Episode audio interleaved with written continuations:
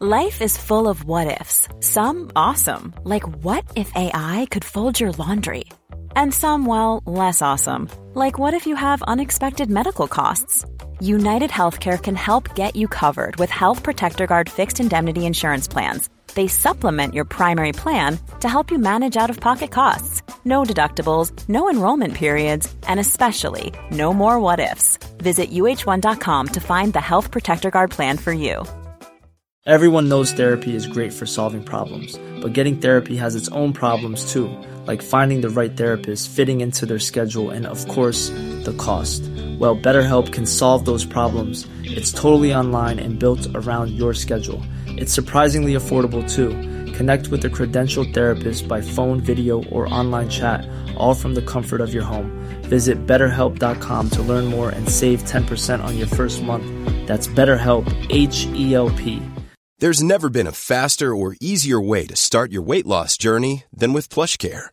PlushCare accepts most insurance plans and gives you online access to board-certified physicians who can prescribe FDA-approved weight loss medications like Wigovi and Zepbound for those who qualify.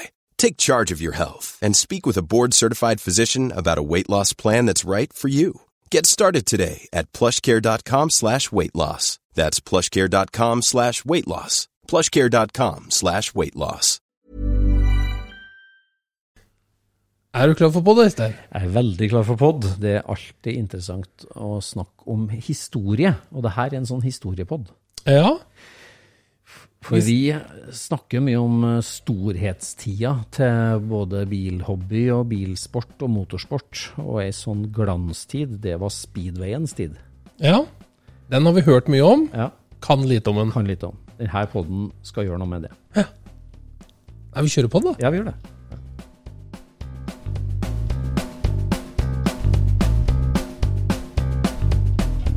Du lytter nå til Scootspodden, en norsk podkast om klassisk bil med Jon Roar og Øystein.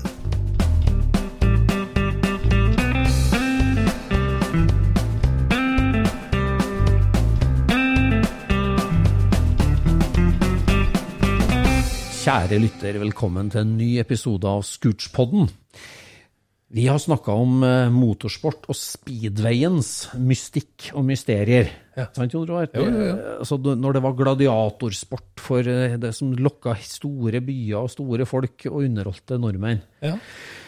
Og speedway er jo, er jo en slags bærebjelke i motorsporten. Mange bilfolk er interessert i speedway. Mye motorutvikling og konstruksjon skjedde i speedwayens spede barndom, og det ble en stor sport i Norge. Og nordmenn hevda seg jo godt utenlands òg. Ja, gjorde jo det. Og for å ta med lytterne inn i speedwayens verden, så har vi fått tak i en gammel gjest som har vært hos oss før, og som var en kar som har- var med der det skjedde, som satt på trekrakken i verkstedet hos Basse VM, som gikk skolen, sto og hang på dælenga og kjørte sjøl, og var der når det skjedde. Velkommen tilbake til oss, Odd Holter. Jo, tusen hjertelig takk. Jeg eh, syns dette var veldig moro å være med på. Veldig hyggelig å ha deg her igjen. Hvordan står det til? Jo, det har gått eh, bra siden sist, så Ja. vi holder eh, det fortsatt eh, tempoet oppe. Ja, vi snakka jo tidligere i vinter om de, ditt liv med bilsamling og, og tidlig pionerarbeid for å sanke spesiell norsk bilhistorie, der du og Jan Tolvsby og flere gjorde en kjempejobb. Ehm, jeg skjønner, siden sist du har dratt i gang et nytt restaureringsprosjekt, du. Ja, det ligger jo på det at det, med alle de årene jeg har vært borti her, nå har jo jeg en cirka, vi kan si, eh, nesten 70 år på dette. Eh, og eh, startet tidlig med dette, og eh, det har sin, sin grunn til at eh, som guttunge så måtte jeg få på meg kjeledress tidlig. Da var jeg ni år gammel. Og far hadde bilverksted, så jeg var jo da og måtte være med der. Det gjorde at jeg også begynte å eh, interessere meg for både biler og motorsykler. Og eh, da var det sånn at vi fant jo litt av hvert av den kundekretsen som kom inn. Det kom både ut av det ene og andre rar rariteten. Og jeg husker godt at eh, jeg kunne stå inne, inne på verkstedet og si at det var Nå kommer det brennabor. For jeg hører at den, den eh, rakla så fælt, den bilen der. Ja. Og da gikk vi ut, det stemte jo det. Ja, Så du lærte deg tidlig av den historien om hvordan du Ja.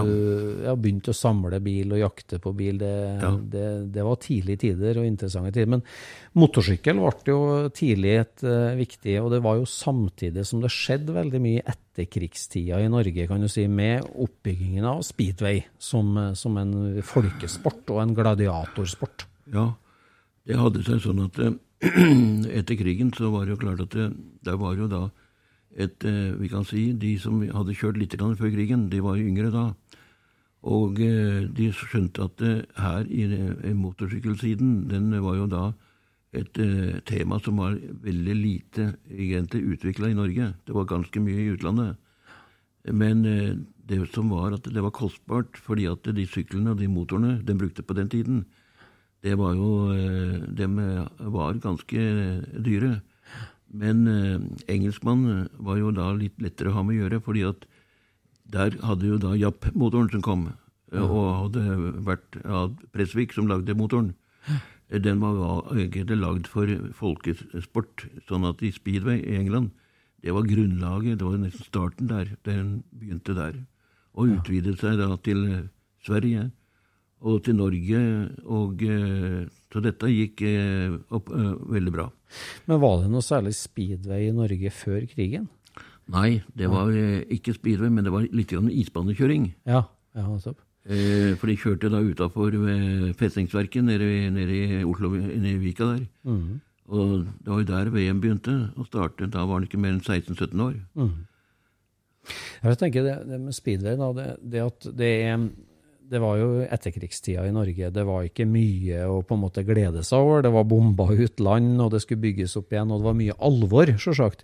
Men det her motorsporten da, på små, kompakte baner, ja, Dælenga i Oslo, midt i byen, på en måte, der, der det ble motorlyd og drønn og action og fight, kan du si, så var jo det her et, det var en voldsom underholdning og en veldig publikumseffekt av speedwayen. Som, som eh, altså, det, det, altså vi, vi tenker kanskje på på Bislett Games eller, eller Petter Northug og ski. Liksom. Det, var, det var jo enorme folkemasser som kom for å se på denne sporten.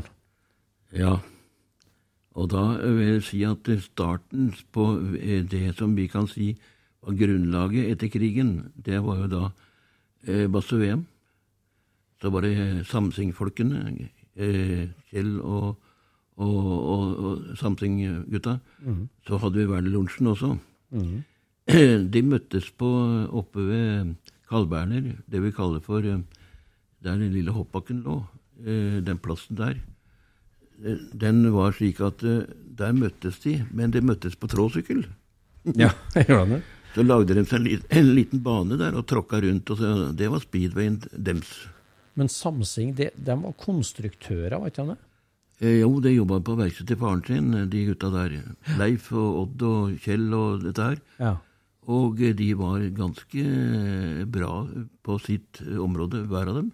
Men Kjell var jo egentlig den som var konstruktøren når det gjaldt det å videreutvikle sykler som han bygde for Basse-VM. ja.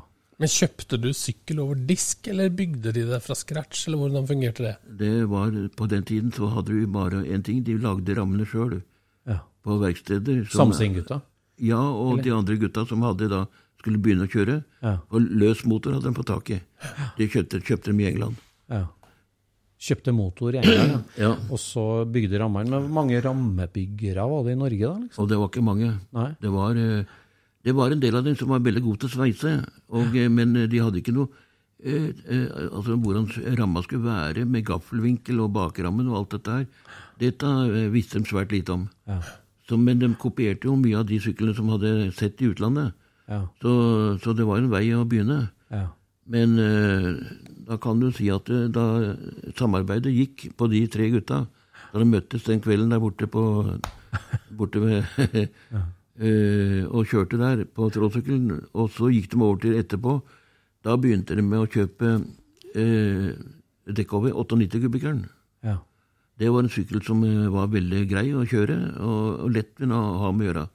Det var starten, og da begynte de å skjønne at aha, her har vi noe vi må egentlig ha et samarbeid.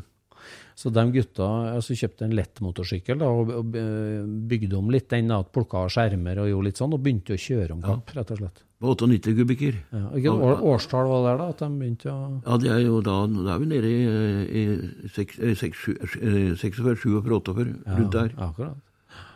Og, og da hadde jo VM også lagd en spesiell ramme som var bygd av noen par andre. Den eh, isbaneramma, den, uh, da han ødela seg på Bislett. Ja. uh, den var ikke lagd av Samsing, den var lagd av noen fra et verksted like i nærheten, der VM holdt på, der nede på Grønland. Ja, Fri, for- Frisgate, som heter der han hadde verkstedet. Du må si litt om det. Hvem var Basse VM? Det er jo en, en motorsportslegende. Altså, hvor, han drev motorsykkelforretning, han. Ja.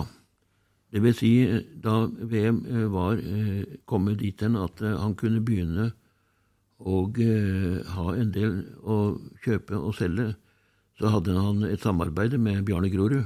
Ja. De to startet i sammen, og det første stedet de begynte, det var på, ut på Grønlands plass. Grøn, Grønlands, eh, der de selger grønnsaker og alt, ut på Grønland der. Ja. Og der vi har nedkjøring ned til T-banen, der var, den gamle bygningen lå. Den ble revet, den. Ja. Og eh, det som var kjent, det var at den bygningen, den var blå.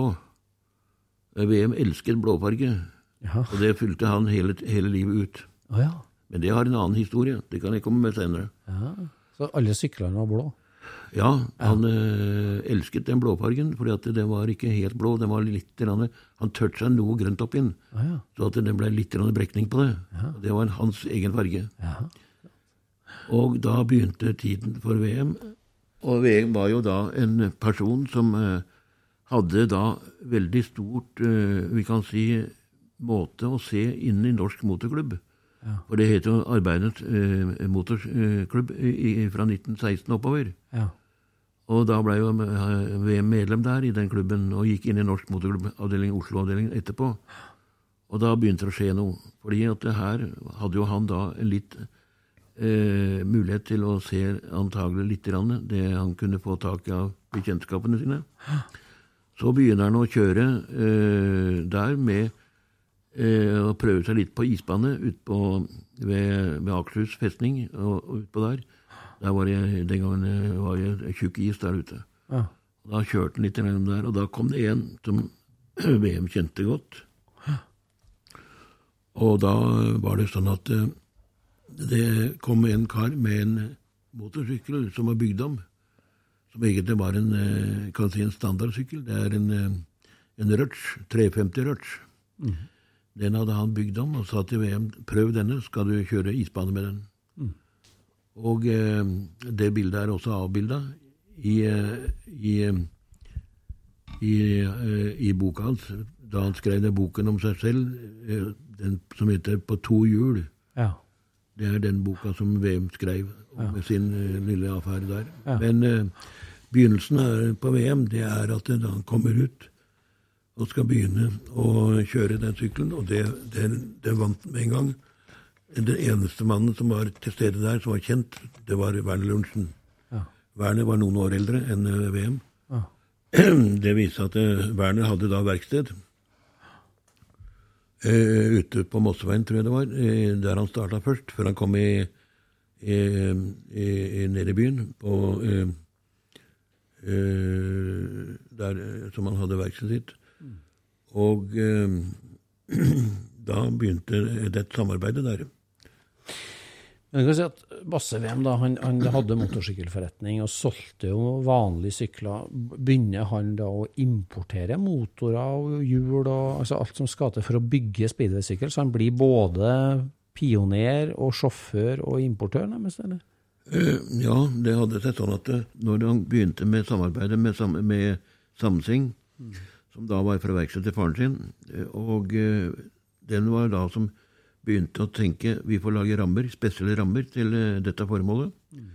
Eh, VM kjøpte da en, eh, en 500 Japp-motor like før krigen eh, fra England.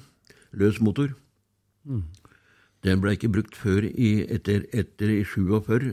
Eh, 48, da han skulle bygge SRM-en. SRM da, står for ja, da fikk han et For den SRM-en, SRM står for svenska rasemaskinen, Ja. det var Mannerstedt og eh, Tage som, eh, i Sverige som eh, da begynte med å skulle lage dette. ja. Tage var ekspert på Kamakkel, og, og Mannerstedt var da ekspert på motoren. ja. Så det var greit. Men tilbake til VM litt. Grann, fordi at det, det som var spennende her, det var at det, da han fikk tak i den, og de satte sammen dette, da begynte nemlig eh, samarbeidet mye bedre med alle sammen. Og da begynte noen å ta inn deler fra England, noen kjøpte noe fra Sverige, og eh, litt fra Tyskland. Ikke mye der, men eh, det som var, det var mest å få tak i det engelske. Fordi cunteren på speedway-sykkelen, så er det cunter, det er, eh, det er bare kløtsjen. Eh, den er jo da gira på spesielt på motordrevet og eh, og til bakhjulet. Eh, drev, dre, eh, drevingen, utregningen på giring på eh, 400 meters bane.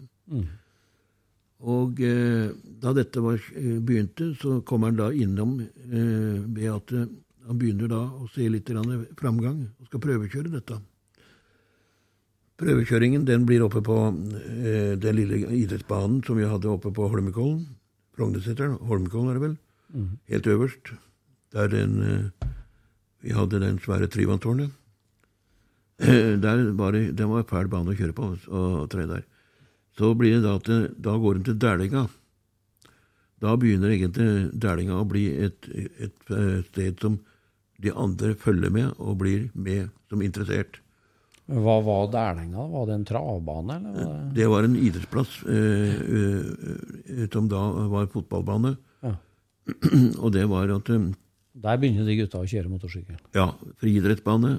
Og den banen eh, den ble slik at eh, den fikk en avtale med kommunen, Oslo kommune, at eh, de kunne kjøre der hver tirsdag og, og trene. Mens de alt andre og være med å lage banen sånn at det, når det, gjaldt, det var grusbane, så at det, her var det snakk om svingen, forbedringer her, og vanning, alt mulig. Dette sto gutta for å gjøre sjøl. For ønsket var jo å få være der og, og få holde på litt, når du hadde fått den muligheten. som Når, når gikk det første ordentlige speederløpet på Dælenga, da? Ja, da må vi nok eh, ned i 50-tallet, fordi at eh, vi har jo da en del, en del der som kommer inn nye. Eh, folk som da kan stille et lag hjemme her. Men uh, vi hadde da fremdeles bare vårt eget. Vi kjørte imot de små klubbene som begynte å komme. Ja.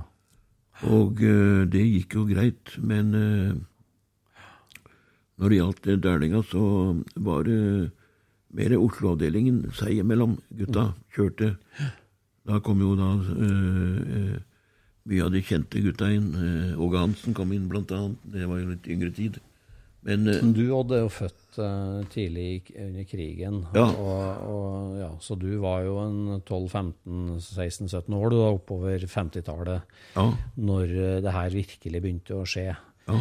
Uh, altså Basse VM, uh, han var er jo liksom den kjente figuren. Han, han var et supertalent, han, med en gang, eh, til å kjøre og bygge. Ja, si. ja, ja. Og utmerka seg som en helt spesiell type, liksom. Stemmer det. Fordi at uh, han var egentlig malen til de alle andre. Fordi at eh, VM hadde en måte å si tingene på og gjøre tingene på, og det var ganske bra, det han gjorde. Ja. Det falt eh, i god jord hos de andre. Men det, for deg, for deg da, som, som tenåring, da, å henge på gjerdet eller å være med på den bevegelsen og det som skjedde der, det påvirka ungdomsutviklinga di? det? ja, men det, du skjønner, der begynner liksom min, min veldig interesse. Og det at du, i Fris gate, som eh, VM hadde verkstedet sitt, eh, så var det det at eh, far hadde verksted like i nærheten, bare nesten vegg i vegg. Og far drev bilelektrisk spesialverksted, og eh, der måtte jeg være med å lære. Og, og det. Men vet du, hver gang jeg hørte det starta opp en, en, en, en gedigen sykkel inn på, på Fri Eksos eh, inn på verkstedet til VM, da var jo jeg innpå der med en gang. jeg. Og så hadde jeg eh, en snekker som lagde en liten krakk til meg. Og den krakken den tok jeg med meg og satt der og inne på verkstedet hos VM og satt og så på hva han holdt på med. Og han fortalte dette, syntes han var moro. Eh, og eh, da var jeg en, en, en eh, Det var 51. Jeg begynte å vanke der inne, cirka. Og vi kom jo da vinterolympiaden, det var greit, men så kom jo da begynte det å skje noe. fordi at det som jeg syntes var moro, det var at jeg så at det, han eksperimenterte med motorene. Som han sa, denne Jappen har jeg kjøpt i England, eh, den er standard. Vi må ha litt mer kjøtt på beina her, så dette her kan gå litt fortere. For jeg er ikke den som vil sitte i spruten av en som kjører foran. Jeg skal være foran. Kan de få lov til å kjøre bak meg? Det var eh, noe han likte. Og eh, ut fra det så ble det til at han kjørte da, og hadde da mye av dette han bygde opp på verkstedet av egenhendig, men han brukte veldig mye folk som han kunne spørre om de tekniske ting som var litt aktuelt. Men var han utdanna mekaniker på noe vis, eller? Altså, eller annen forretningsmann? Eller?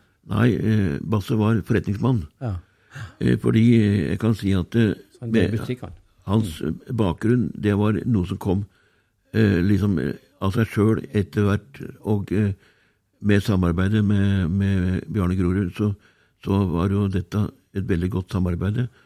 Og det er det som gjorde utviklingen videre for VM også. Fordi eh, VM eh, var jo den som liksom Han var jo bare unggutten den gangen. Men eh, du vet, faren hans var jo, o- var jo vaktmester på Åsåfoss eh, skole. Og, og, og der var det jo den at eh, Der drev han og trena i, i, gymsalen, eh, Basse, eh, eh, når alle hadde gått hjem. Ja. Det var det som gjorde at han var fenomenalt sterk ja. og i veldig god fysisk god stand. Det var det som gjorde at han kunne kjøre som han ville også. Så utover 50-tallet, da, Dælenga blir Ja. blir eh, gladiatorbanen, det blir store løp, import av deler, bygge rammer. Norge blir jo en stor nasjon i speedway. Altså, og, og Basse VM går ut i verden, europamesterskap. Og når ble han verdensmester første gang? Nei, vi hadde ikke tittel verdensmesterskap på- på vårt. Det er kun europamesterskap Ja. og nor nordisk. Eh, det var det som var eh, tingen den gangen. ja. Vi hadde jo da på den, eh, så kan du si at vi kom inn med Da VM kjørte godt, så kom jo da inn eh, eh, Henry Stumpe Andersen kom inn Ja. den gangen. Han tok jo da kjørte i 55 på Bislett. ja. Eh, Blei da europamester på det. Og eh, da Hvordan, begynte hvordan var det, Odd, å være på Bislett og det europamesterskapet i speedway? Fulle tribuner, eller? Ja, det var, jeg bor jo vegg i vegg med Bislett, Ja. og det gjør jeg fortsatt enda. Så da jeg fikk se dette her, så var jo vi på plass med en gang. Far tok jo meg med meg og illerista meg og sa nå skal du få se på gutta som kan kjøre, sa han. Ja. Ja, det var moro. Det var jubalong i måneskinn. Gud var, og så var det fullt. 22 000 menn eh, på eh, tribunen der. 22 000. Ja. Ser på motorsykkelløp midt i Oslo sentrum. Ja. i Norge. Ja. Og det lukta godt i gata òg, for at de kjørte på dem det var. kjørte på, var jo da en Errol, ja. Det er ikke spriten som mange snakker om. Det er Errol ja, som lukter godt.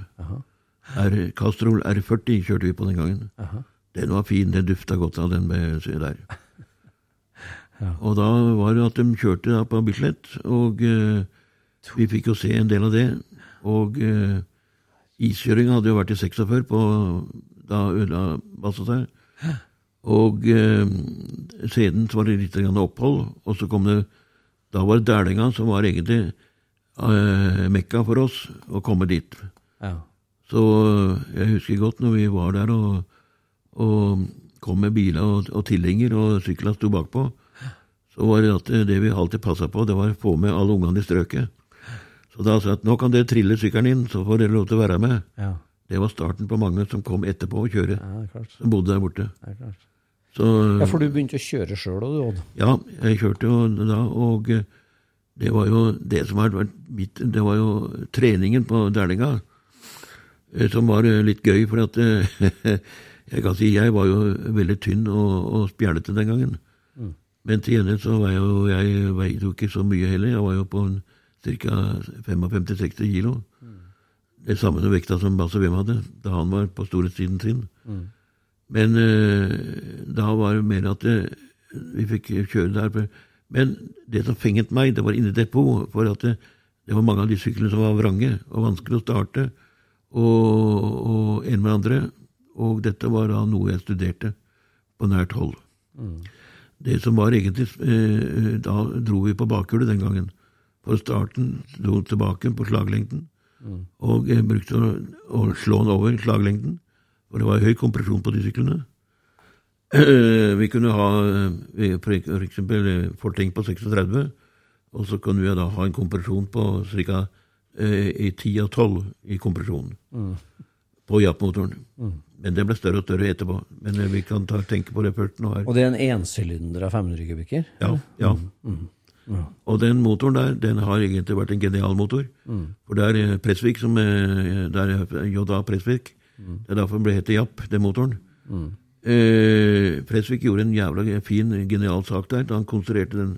Fordi nemlig eh, det som er hjertet på den sykkelen, eller den motoren, det er hele båndkassa og eh, veipartiet, som er eh, veldig, eh, veldig flott utregna av tyngde og eh, hvordan det skal være. Råden blant annet opp, og stempelet og toppen blir da også gjort om.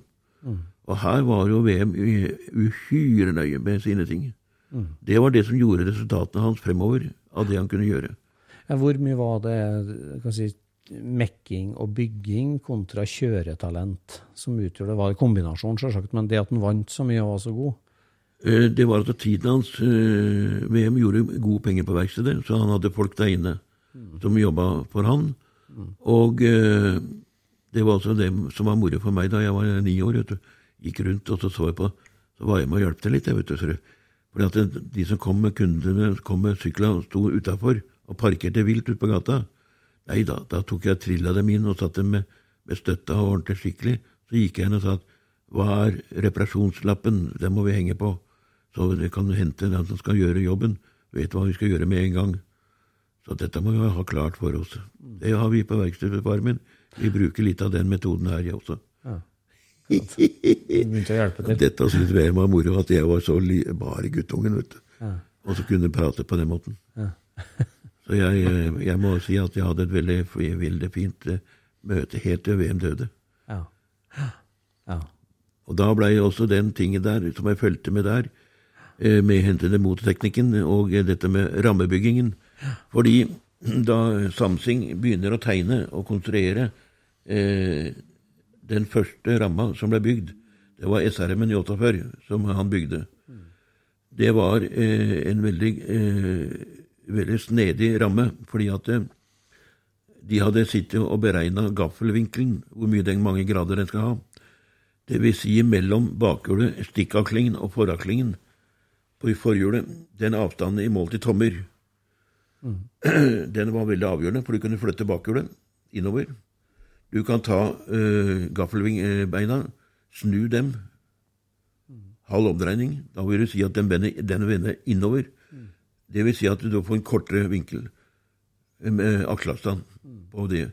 Det hadde veldig mye å si på enkelte baner hvordan du kunne kjøre snedig inn og ut i brottsheiden, Ja. og ut av eh, svingen og kjøre opp langsida.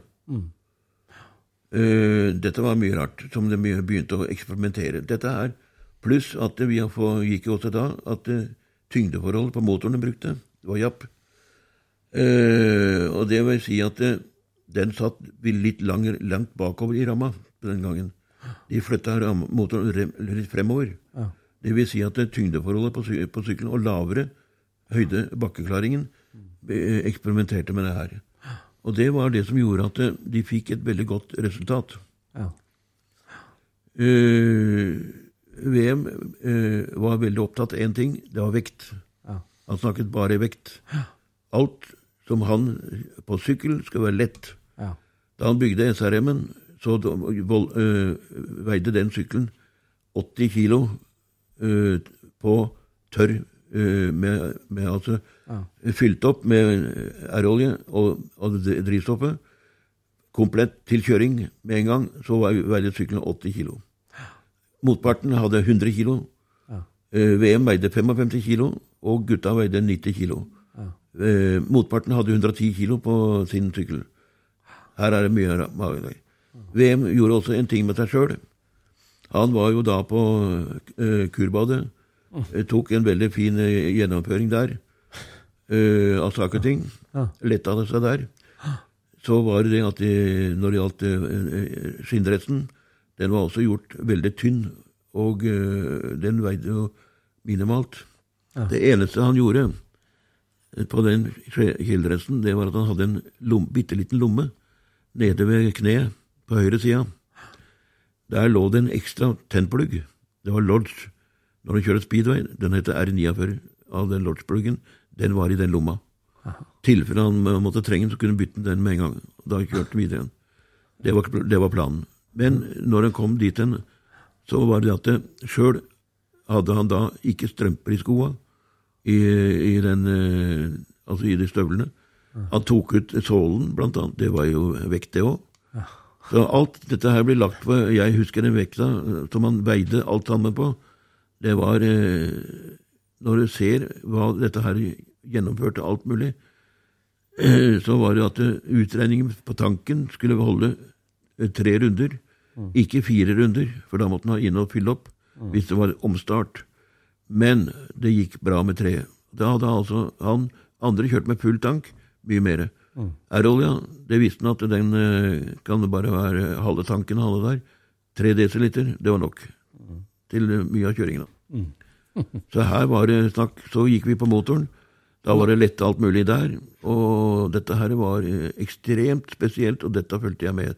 Som eh, jeg satt med stær på titra her altså, og fulgte med. Og dette var en min lære som jeg gjorde og har brukt fremdeles helt til jeg er i dag. Nå er jeg 80 Ja. og, og, og, og, og har fått med meg mye. Det har jeg gjort. Men eh, det vil jeg bare si at når jeg har holdt foredrag mange ganger ute, så eh, har jo jeg alltid sagt det sånn at eh, for moro skyld Vi bruker fire timer først på min eh, sak. Jeg vil ikke ha noe avbrytelse, det kan gjøres etterpå. Og så kan dere gå hjem og sette på potetene, så kan dere komme tilbake igjen, og da er det fire timer til. Da har dere fått vite mye om Norsk Motorklubb Ja. og den interessen som vi har hatt Ja, ja. i alle år. Ja. Når, når det gjelder kjøring fra starten til det vi snakker om det året jeg hadde de møtene. When you're ready to pop the question, the last thing you want to do is second guess the ring. At Bluenile.com, you can design a one of a kind ring with the ease and convenience of shopping online. Choose your diamond and setting. When you find the one, you'll get it delivered right to your door. Go to Bluenile.com and use promo code LISTEN to get $50 off your purchase of $500 or more. That's code LISTEN at Bluenile.com for $50 off your purchase. Bluenile.com code LISTEN. Hey, I'm Ryan Reynolds. Recently, I asked Mint Mobile's legal team if big wireless companies are allowed to raise prices due to inflation. They said yes. And then when I asked if raising prices technically violates those onerous two year contracts, they said, What the f are you talking about, you insane Hollywood ass? So to recap, we're cutting the price of Mint Unlimited from $30 a month to just $15 a month. Give it a try at mintmobile.com slash switch. $45 upfront for three months plus taxes and fees. Promo rate for new customers for limited time. Unlimited more than 40 gigabytes per month. Slows. Full terms at mintmobile.com. Ja, herlig. Men du, for du, da Basse VM eh, kjørte jo sitt, og du engasjerte deg etter hvert i å skru motor, du. Ja, Og, og, og bygde motorer for flere. ja. Ja. Det vil si, da dette ble gjort, så var jo det at når jeg satt på krakken, ni år gammel, og eh, eh, vurderte alt det som var, og jeg var jo egentlig, vi kan si, født i mekanikk, det er vel det som har ligget i min eh, gener her, fra langt tilbake i tiden, som jeg har utviklet senere oppover, fordi at far fortalte meg mye da jeg var liten, men jeg har alltid vært eh, veldig lydhør, og aldri avbrutt. Jeg har lært meg én ting. Først får en prate, så kan jeg komme med kommentarene mine etterpå. Og de var kanskje litt dumme, men til gjengjeld så tjente jeg på det, for at da hadde jeg et svar på det jeg mente, hvordan jeg kunne oppfange det som ble sagt. Og Det var veldig viktig for meg å vite. Og eh, der har vi den tiden oppover. Når du, for jeg tenker, altså, du, du, du skrudde en del, og du var i Tyskland og jobba med motorer. Men det ble jo mer motorer enn Japp og etter hvert. Norton kom jo med flere varianter. og når, altså, Nå er vi på 60-tallet, 70-tallet. Storhetstiden ja, storhetstiden for VM. da, Hva var toppen på hans karriere, og hvor lenge kjørte han? Hele den tiden til VM er fra 19, etter krigen, 1946 mm. og oppover til VM slutta i 58. Det var det siste løpet hans. Det var siste løpet hans, ja. 58. Ja. Da var han i Solhalla ja. og kjørte. Ja.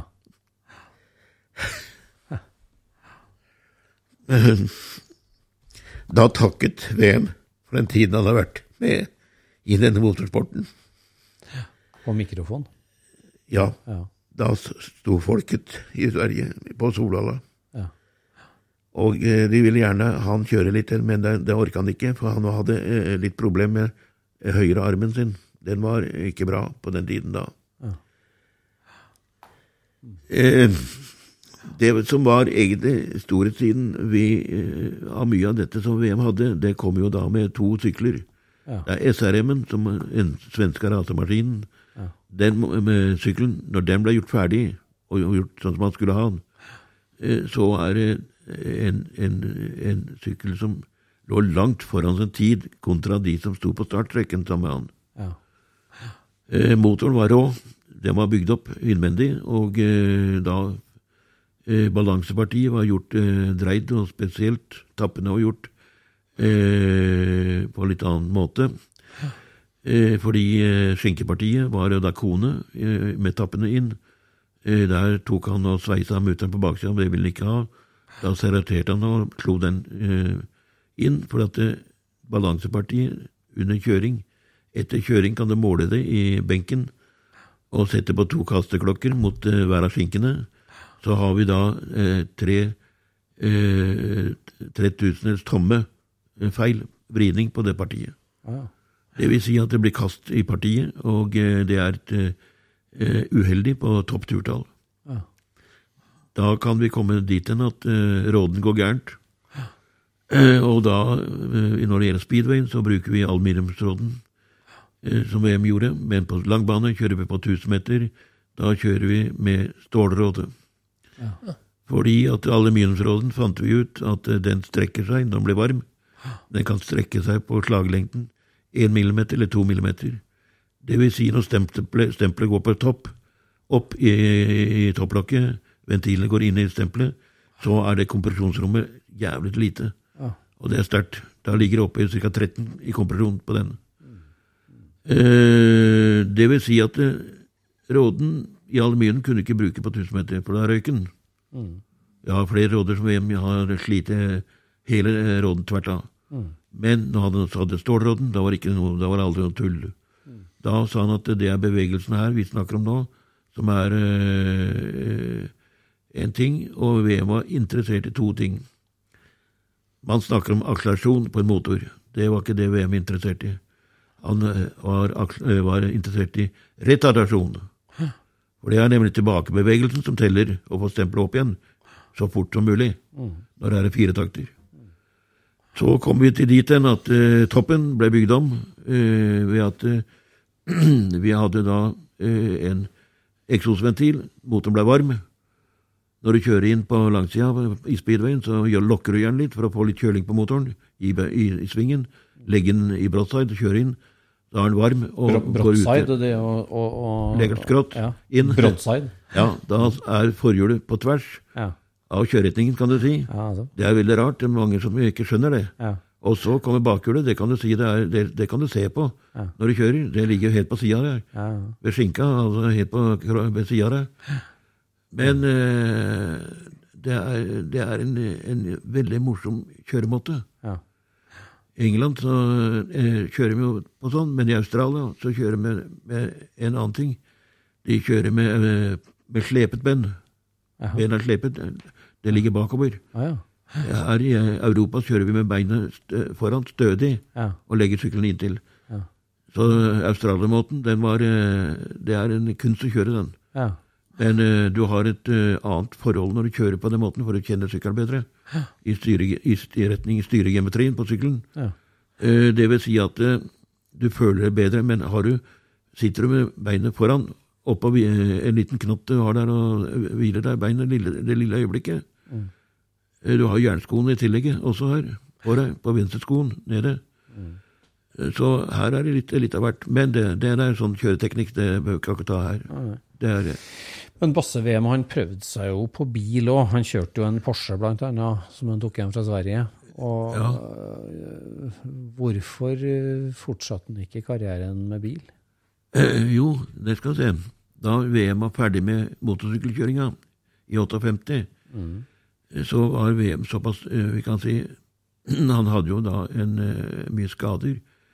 Det er derfor han hadde det høye eh, nyrebeltet, som ble bygd spesielt for han.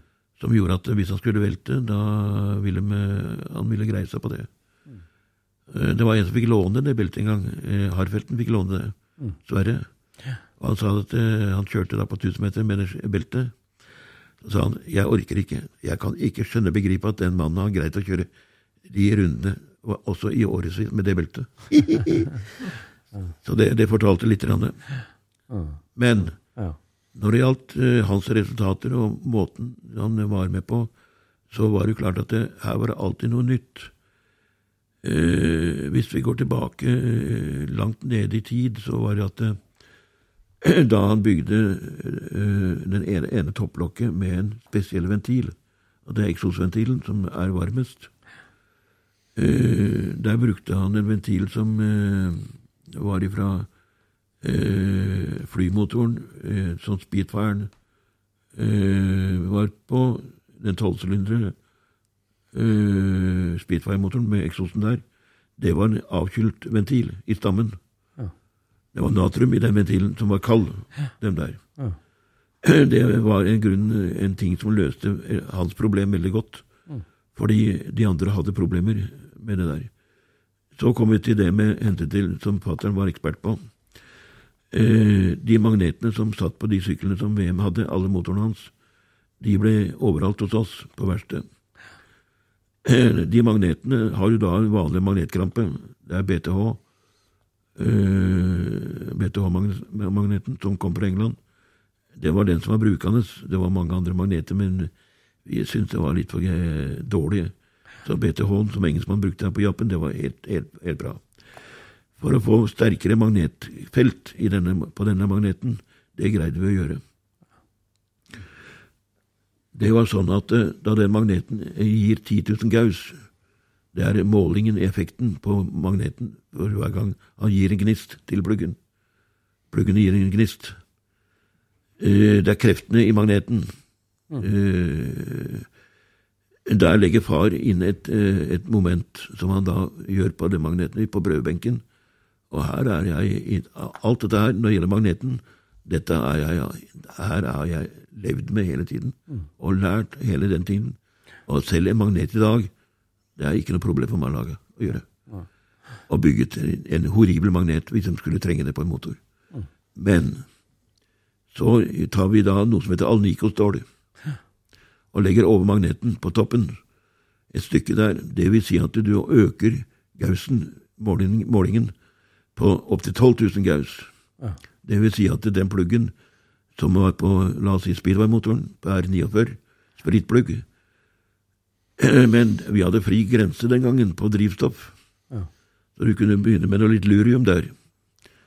Og da kjørte du på metanol, og du kjørte jo da med, med nitro. Det trea er VM hadde fem bestanddeler. Jeg forteller bare tre. Da kommer det siste. Det er det som heter piklinsyre. Det er en bestanddel i flytende form til TNT, sprengstoff. Så han kjørte på bombe. Men de to andre delene som kom oppover etterpå, som var enda sterkere, de snakker jeg ikke om. Nei. Fordi dette der drivstoffet her, det var eh, i, på Solvalla. Jeg kan ta det. Eh, da de visste at VM hadde et veldig særegent, eh, spesielt drivstoff. Hva- Var du der du, Odd? på VM i Solvalla? Ja, ja, ja, ja, ja, jeg fulgte med litt der. For det var en kjemiker som eh, VM turte ikke å blande sjøl. Fordi at eh, han hadde en kjemiker som gjorde den blandinga. Ja. Og da hadde han to jerrykaner. Da dro han til, eh, dro han til Solvalla med SRM-en. Og eh, av de 20 motorene så er dette den eneste motoren som er gjenlevende i dag, som er startbar, og har eh, den historien om SRM-en. De andre er mer eller mindre vrak og ødelagt. Men når VM kom til eh, Solvalla og lessa inn det han hadde gjort i bilen, og la det ut, så eh, fant han ut jaha, drivstoffet mitt det skal ikke jeg gi bort til noen. Nei. Da skriver vi vann på den ene kanna. Jan vann på den ene kanna. Så bytter han om. Det er metanolen og den eh, suppa, altså soppaen som svenskene kaller det, eh, den eh, hadde han skrevet vann på. Og da var det jo da vanlig på det andre. Så, så sa, tenkte vi nå skal vi se hvem som stjeler drivstoff her. sånn. For det var at de hadde knabba noen eh, desiliter her og der for hver gang de var utpå.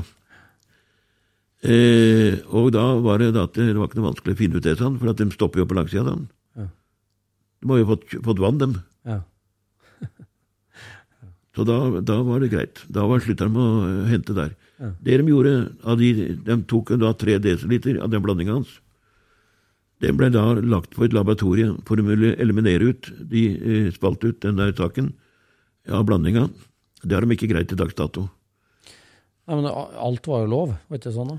Jo, men det var til en viss tid, så ble det slutt etterpå. Da gikk det over til ren metanol. Ok, ja, var det sånn. Fordi at eh, Vi måtte jo si det sånn at eh, drivstoffet, syklene, var kostbare. Smalt det, så var det, eh, da var det pudding, altså. Ja, ja. Og det, det var dyrt. Og det drivstoffet, det var ø, ø, ikke litereffekt. Vi ga ikke, var ikke literen, det var i kilo. ja. For det var tyngde når metanolen ble blanda med alt det andre oppi. Men eh, i den karrieren da, fra si 46 til 58, da, mange, hvor mange sykler var det egentlig han hadde og kjørte da, og bygde eh, Vasse VM? Fra 46 vi hadde da isbanesykkelen. Så hadde vi speedway-sykkelen. Den som har rammerøret øh, med tanken. Ja, tanken, tanken er ramma, ikke sant? Ja. Tjukt rør. Mm. Ja, ja. Så har vi SRM-en.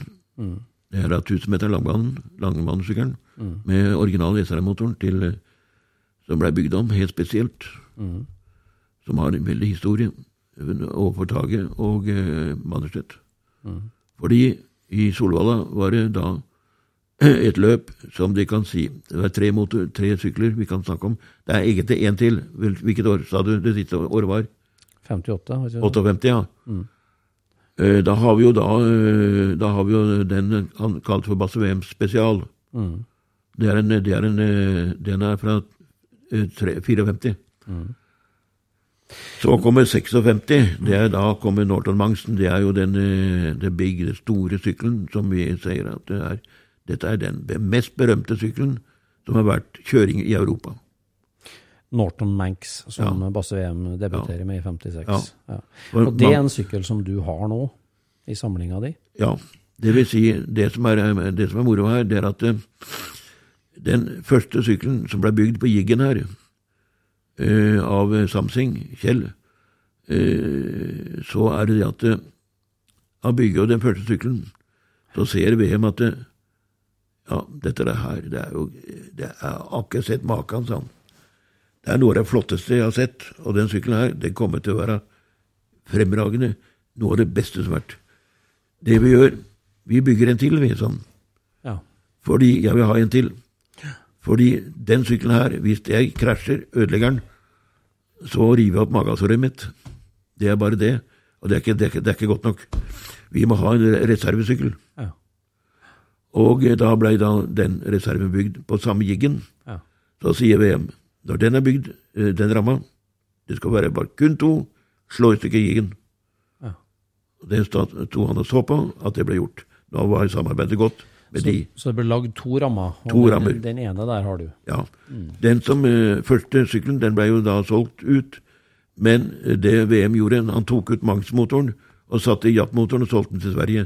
Ja. Det var da Vargoli som kjøpte den. Ja. Og uh, fikk med en sykkel til. Men Vargoli kunne ikke kjøre dette, her, og ikke vedlikeholde heller.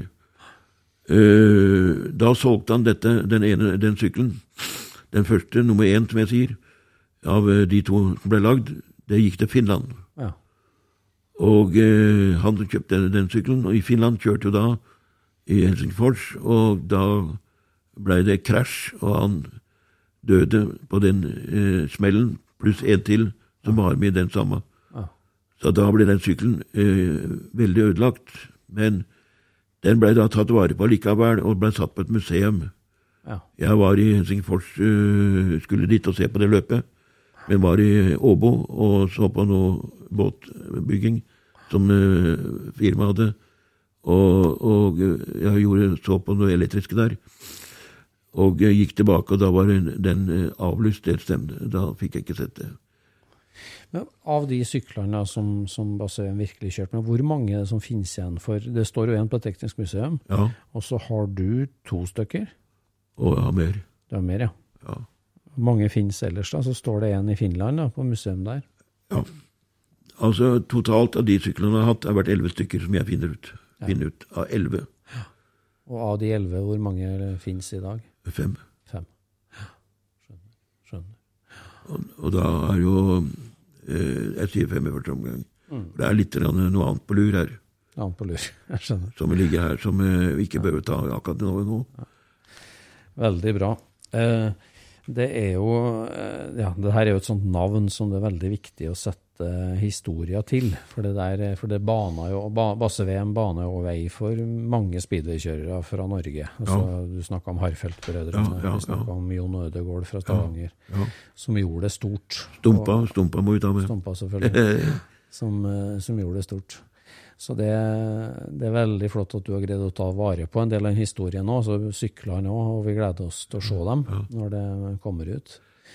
En, en, bare til, vi må ha med Åge Hansen nå, Ja. har vært en, eh, en, eh, en legendarisk sak. Som har kjørt på én sykkel, samme sykkelen, hele tiden. ja han. Som han kjøpte i 55, tror jeg det var, da jeg så den første gang. Ja, Eh, på uh, Håndverkeren i Oslo. ja, var en utstilling som Norsk Motorklubb og uh, Basse VM og disse lagde, og hadde stilt, ut- da motorsykkelen og, og midtsesongene.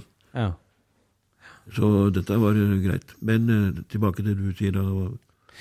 Men Basse VM sin bilsportkarriere, han tok jo hjem den Porschen og, og kjørte jo noen løp, Ja. billøp òg, men det gikk vel ikke så bra som sykkelkjøring? Karrieren gikk fort. Karrieren gikk fort. Mm. Den motoren hadde han eh, tatt ut og gjort jævla mye med. Ja. Den, den var så sterk den at han løfta seg på forhjula når han dro på. ja. Ja. Det finnes jo bilder av det når du kjører på isen, men Ja, Øst- han løfter Østensjøra. innhjulet. Ja. Altså. Jeg var der oppe. ja, det var det. Ja, Da løfta han innhjulet, ja. Ja. ja. Så da, det var, den, var, den var det krutt i. Det var i. Det ble jo da Det var jo han eh, som drev bruktbil nede i eh, De kjøpte den bilen av Basse Ja. og hadde den en liten stund, og så solgte han den videre. ja. Og den gikk jo da ut. Ja. Gikk til Sverige og så til Tyskland, den bilen. Men er den ikke i Amerika òg? Nei, han er ikke i Amerika. Den, som er den som er blå? Ja, Nei, han er i Tyskland. Tilbake i Tyskland. Han har vært i Amerika en stund. Ja. Jeg husker det var noe der, det var noe der ser du. Ja da. det var det. Eh, ja. Takk for, eh, takk for speedway-historie. Ja. Odd, det setter vi veldig stor pris på. Og det her er historier som eh, altså Det å ha vært der, det å være med på det, at du er en, en som kan fortelle om det, det er viktig. Men på, på egen front så vet jeg at i siste tida nå så har du brukt på å ta fram et av de gamle objektene dine. En, en virkelig flott bil som du har dratt i gang for fullt med restaureringa av nå. Fortell oss litt om det du holdt på med i verkstedet ditt de siste månedene. Det vil si at eh, jeg har ikke vært det mer nå. Jeg har solgt unna mye. Og eh, har da en del småtteri stående litt her og der som jeg eh, bygger opp til eh, andre eh, til museumsvirksomhet. Eh, Det vil si at eh, jeg har jo da eh, i sin tid, storhetstiden min, det var jo da hele 60-tallet. Fordi da var vi ute og henta Det var jo fri eh, Fri tilgang på Ja. spennende biler da. Ja, ja. Da kom de inn på hoggeri, vet du. Vi hadde jo det. Og da kom de med biler vet du, inn med Som altså Jeg har ikke Jeg fikk 300 kroner eh, for den bilen, og så satte jeg bilen til side. Kjørte den på lager. Og den gangen nede i 60-tallet. Ja. Fram til 70 så hadde jeg 300 biler på stående på lager. Ja. Ute. På syv låver. Eh, med en del samarbeid av Jan Tolsby på Teknisk museum. Men en av de her mest sjeldne bilene har du hatt stående lenge, og den har du tatt fram nå. Den har stått nå i 70 år for meg. 70 år.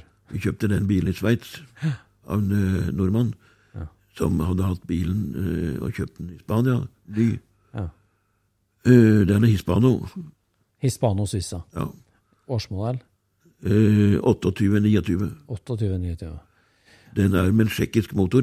H6-motoren Ja, akkurat. Og den. Ja. Ikke eh, motor som er fra Spania. Vi snakker jo om en av de dyreste bilene du kunne kjøpe på den tida. En, en ja. fantastisk franskmann. Ja, det vil jeg tro. Ja. Ja. Spanierne bygde jo den, og eh, de hadde ikke kapital. Det var Sveits, Sveits som kom inn og eh, Ydet med penger. Og eh, spanierne bygde bilen. Ja, sånn var det.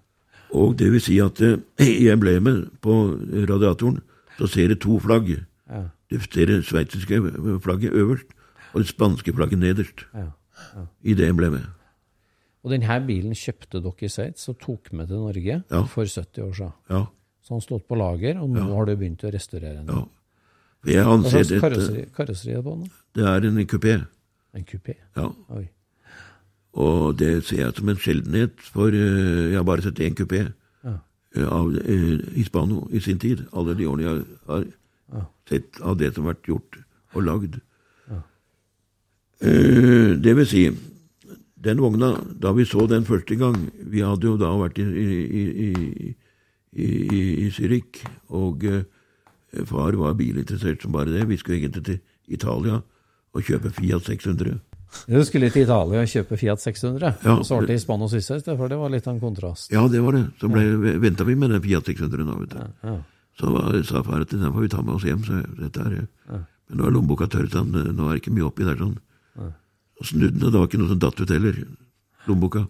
Men det var greit. Han hadde jo ikke vi greid oss, vi, så det kom jo. Da eh, var vi, og dro vi hjem, og så henta vi bilen etterpå. Av, eh, der eh, i det dødsboet. Da den bilen sto. Men når du dro den fram nå da, etter 70 års lagring, Ja. hvordan tilstand eh, var det på den egentlig? da? Bilen var like fin, for jeg har alltid hatt en, Når jeg har hatt biler i lagring, har jeg alltid vært veldig nøye. Det vet de andre som har fulgt med meg på dette. Ja. Jeg vasker Jeg vil ikke ha noe støvete bil. jeg. Jeg, vil ikke ha, eh, jeg skal ikke ha noe mus inni bilen eller stå på lagring. Det var, eh, må ha katter i nærheten som kan gjøre jobben. Så den var lagra godt? Ja, fordi at jeg har alltid vaska og alltid ved like. Det, og den bilen har stått oppe i en spesiell garasje. Ikke din, der jeg har hatt lagringene mine. Nei. For jeg anså den bilen som eh, mer eh, Den mest interessante bilen, pluss Delarge. Ja. På, på fransk Delarge. Ja. Men i Norge det er Delarge. ja. Så Og, Hispanoen eh, den er i ferd med å gjenoppstå nå, altså? Så da blir det at den, eh, den bilen har vi da dratt fram, og Ja. den står i en garasje, en veldig fin garasje. Og fetteren min har vært veldig, veldig hjelpsom, hjelpsom her, og øh, vil være den som kom til å bidra og hjelpe meg her nå mye. Ja. For han sier at dette er det siste Jeg sa til eh, Petter at dette er siste restaureringen fra, fra meg. Ja. ja. Mm. Eh, og da er det det at jeg vil ha et resultat som siste bil fra min ge- gedigne tid, Ja. som kan bli helt eh, Eller kan huske hvem raring det var på Bislett som hadde dette. ja, sånn. Den siste byoriginalen, kanskje. Men er det, er det mye originalitet igjen på den bilen? Altså interiør, lakk, karosseri. Er, er det, går det an å bevare noe av det originale, eller er det totalrestaurering? Eller? Nå er du inne på noe som er veldig viktig. Jeg har alltid vært inne på det. Skal man pelle en bil, så kan det være at det er pudding, at det, er dårlig. Men en bil som har en viss holdbarhet og vært veldig original og i god stand. Det skal ikke pelles ned. Nei, Der er mange gjort feil. det holder jeg med deg. Og jeg har vært veldig motstander av det i alle år. At dette her, å drive og restaurere en bil, som amerikanerne gjør, som er flottere egentlig enn det som bilen har vært levert fra fabrikken, det er ikke bil fra meg. Nei. De restaureringene der, og sånne overrestaurerte biler, orker jeg ikke. Jeg er eller, av den gamle garden, liker bedre de bilene som folk har hatt, og kan beholde den. Og det er vi på nivå med den bilen jeg har nå. Den er eh, kanskje ett års arbeid på den, så er den perfekt. Er den det, ja? Helt original. Jeg vil anta at dette er kanskje en av de få hispanor i dag som kan være i originalstand. Ja. Alt annet jeg kjenner til, er enten ødelagt, stå på hoggeri, Ja. eller blitt pelt ned av andre deler, og kanskje blitt satt sammen til en annen bil. Mm. Men denne vil jeg tro at det er nok en av de få eh, originalene som står igjen i dag i verden. Må du overhale motor og sånt, eller hvordan blir det? Motoren er overalt. Den måtte jeg ta ut for den satt. Eh, jeg har dratt, dratt det rundt, men du skjønner, mitt ønske er jo selvfølgelig å prøve den bilen og kjøre den Mm. etterpå. Hva slags motor er det den der, da? Det er en sekser til toppventiler på en spesiell motor. Ja. H6-en. Hvor stor er den, da? Den er på nesten literen på stempelet. Ja, er den det? Oh, Det er, det er, det er en slugger av en motor. Ja. Og der er sjekkera. de var jo De folka er jo fette mekanikk, de er jo et fenomenal til å lage. Ja, Ledvinka var jo den som lagde Tatraen. ja. Og det var da ideen til å lage motoren til den uh, Spania på bestilling den gangen. ja, Fenomenalt. Men brukte dere bilen dere tok den hjem, eller? Nei, vi satte den til side, for jeg sa, far sa at vi kjører ikke denne. Eh, vi, må, vi, må, vi må begrense oss med det vi tar, for tak i. Og eh, da må vi sette oss eller ned og sitte eller se på hva vi har, og så får vi heller la inn. Fordi at innkjøpene vårt er én ting, restaureringen av penger, det er en annen ting. Ja, det er sant.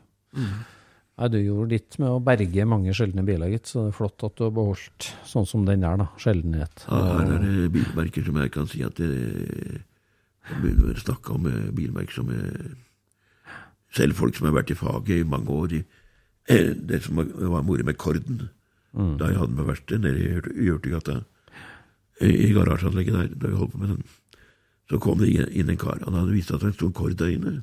Ja, det er greit, det. Da kan du se bilen der.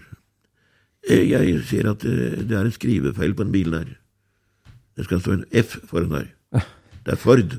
Ja. Eh, Ja, så jeg, hvor er det jeg har fått det fra? Så jeg, da brukte jeg de-formen. For da begynner jeg å bli litt morsom. Og da sa jeg at det, er, det er greit, hvis de er Men er de ordblinde? Eh, Så kan de få et trekkekort av meg fra kontoret mitt, og så kan de ta trikken hjem.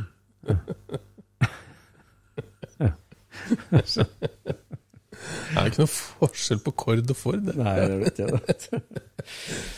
Nei, det var veldig hyggelig, Odd, at du kunne eh, svinge innom oss, eh, og at vi fikk ta en prat igjen. Det, du, du er en brønn av eh, historier. Ja, et oppkomme. Et oppkomme. Og det setter vi stor pris på at du vil dele med Scootspodden og våre lyttere. Så eh, det kan godt hende vi ringer deg igjen for en ny prat, men da fikk vi en innføring i speedwayens verden. Ja.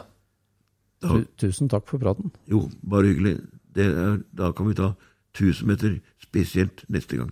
Ja, kan Også kan da kan, og da kan vi ta det, og så da skal jeg fortelle litt mer. Jeg skal være litt mer åpen på angående den bilen, Ja. som har vært en hemmelighet i 70 år. Ja. ja. Vi gleder oss. Dette var veldig moro. Jeg synes det var moro. Jeg kommer gjerne en gang til, hvis de ønsker å høre meg det en gang til. Vi ønsker det. Alltid. Takk for i dag. Takk for besøket.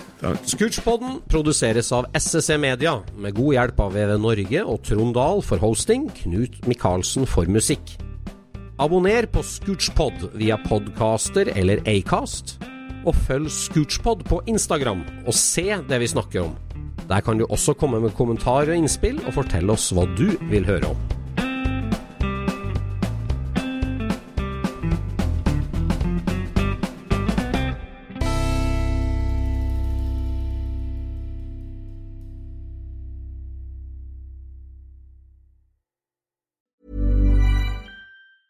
Even on a budget, quality is non-negotiable. That's why Quince is the place to score high-end essentials at 50 to 80% less than similar brands. Get your hands on buttery soft cashmere sweaters from just 60 bucks, Italian leather jackets, and so much more. And the best part about Quince, they exclusively partner with factories committed to safe, ethical, and responsible manufacturing. Elevate your style without the elevated price tag with Quince. Go to quince.com slash upgrade for free shipping and 365-day returns. Mom deserves the best, and there's no better place to shop for Mother's Day than Whole Foods Market. They're your destination for unbeatable savings, from premium gifts to show-stopping flowers and irresistible desserts. Start by saving 33% with Prime on all body care and candles. Then get a 15-stem bunch of tulips for just $9.99 each with Prime. Round out Mom's menu with festive rosé, irresistible berry chantilly cake, and more special treats. Come celebrate Mother's Day at Whole Foods Market. Planning for your next trip? Elevate your travel style with Quince. Quince has all the jet setting essentials you'll want for your next getaway, like European linen, premium luggage options, buttery soft Italian leather bags, and so much more. And is all priced at 50 to 80% less than similar brands. Plus, Quince only works with factories that use safe and ethical manufacturing practices. Pack your bags with high-quality essentials you'll be wearing for vacations to come with Quince. Go to quince.com slash pack for free shipping and 365-day returns.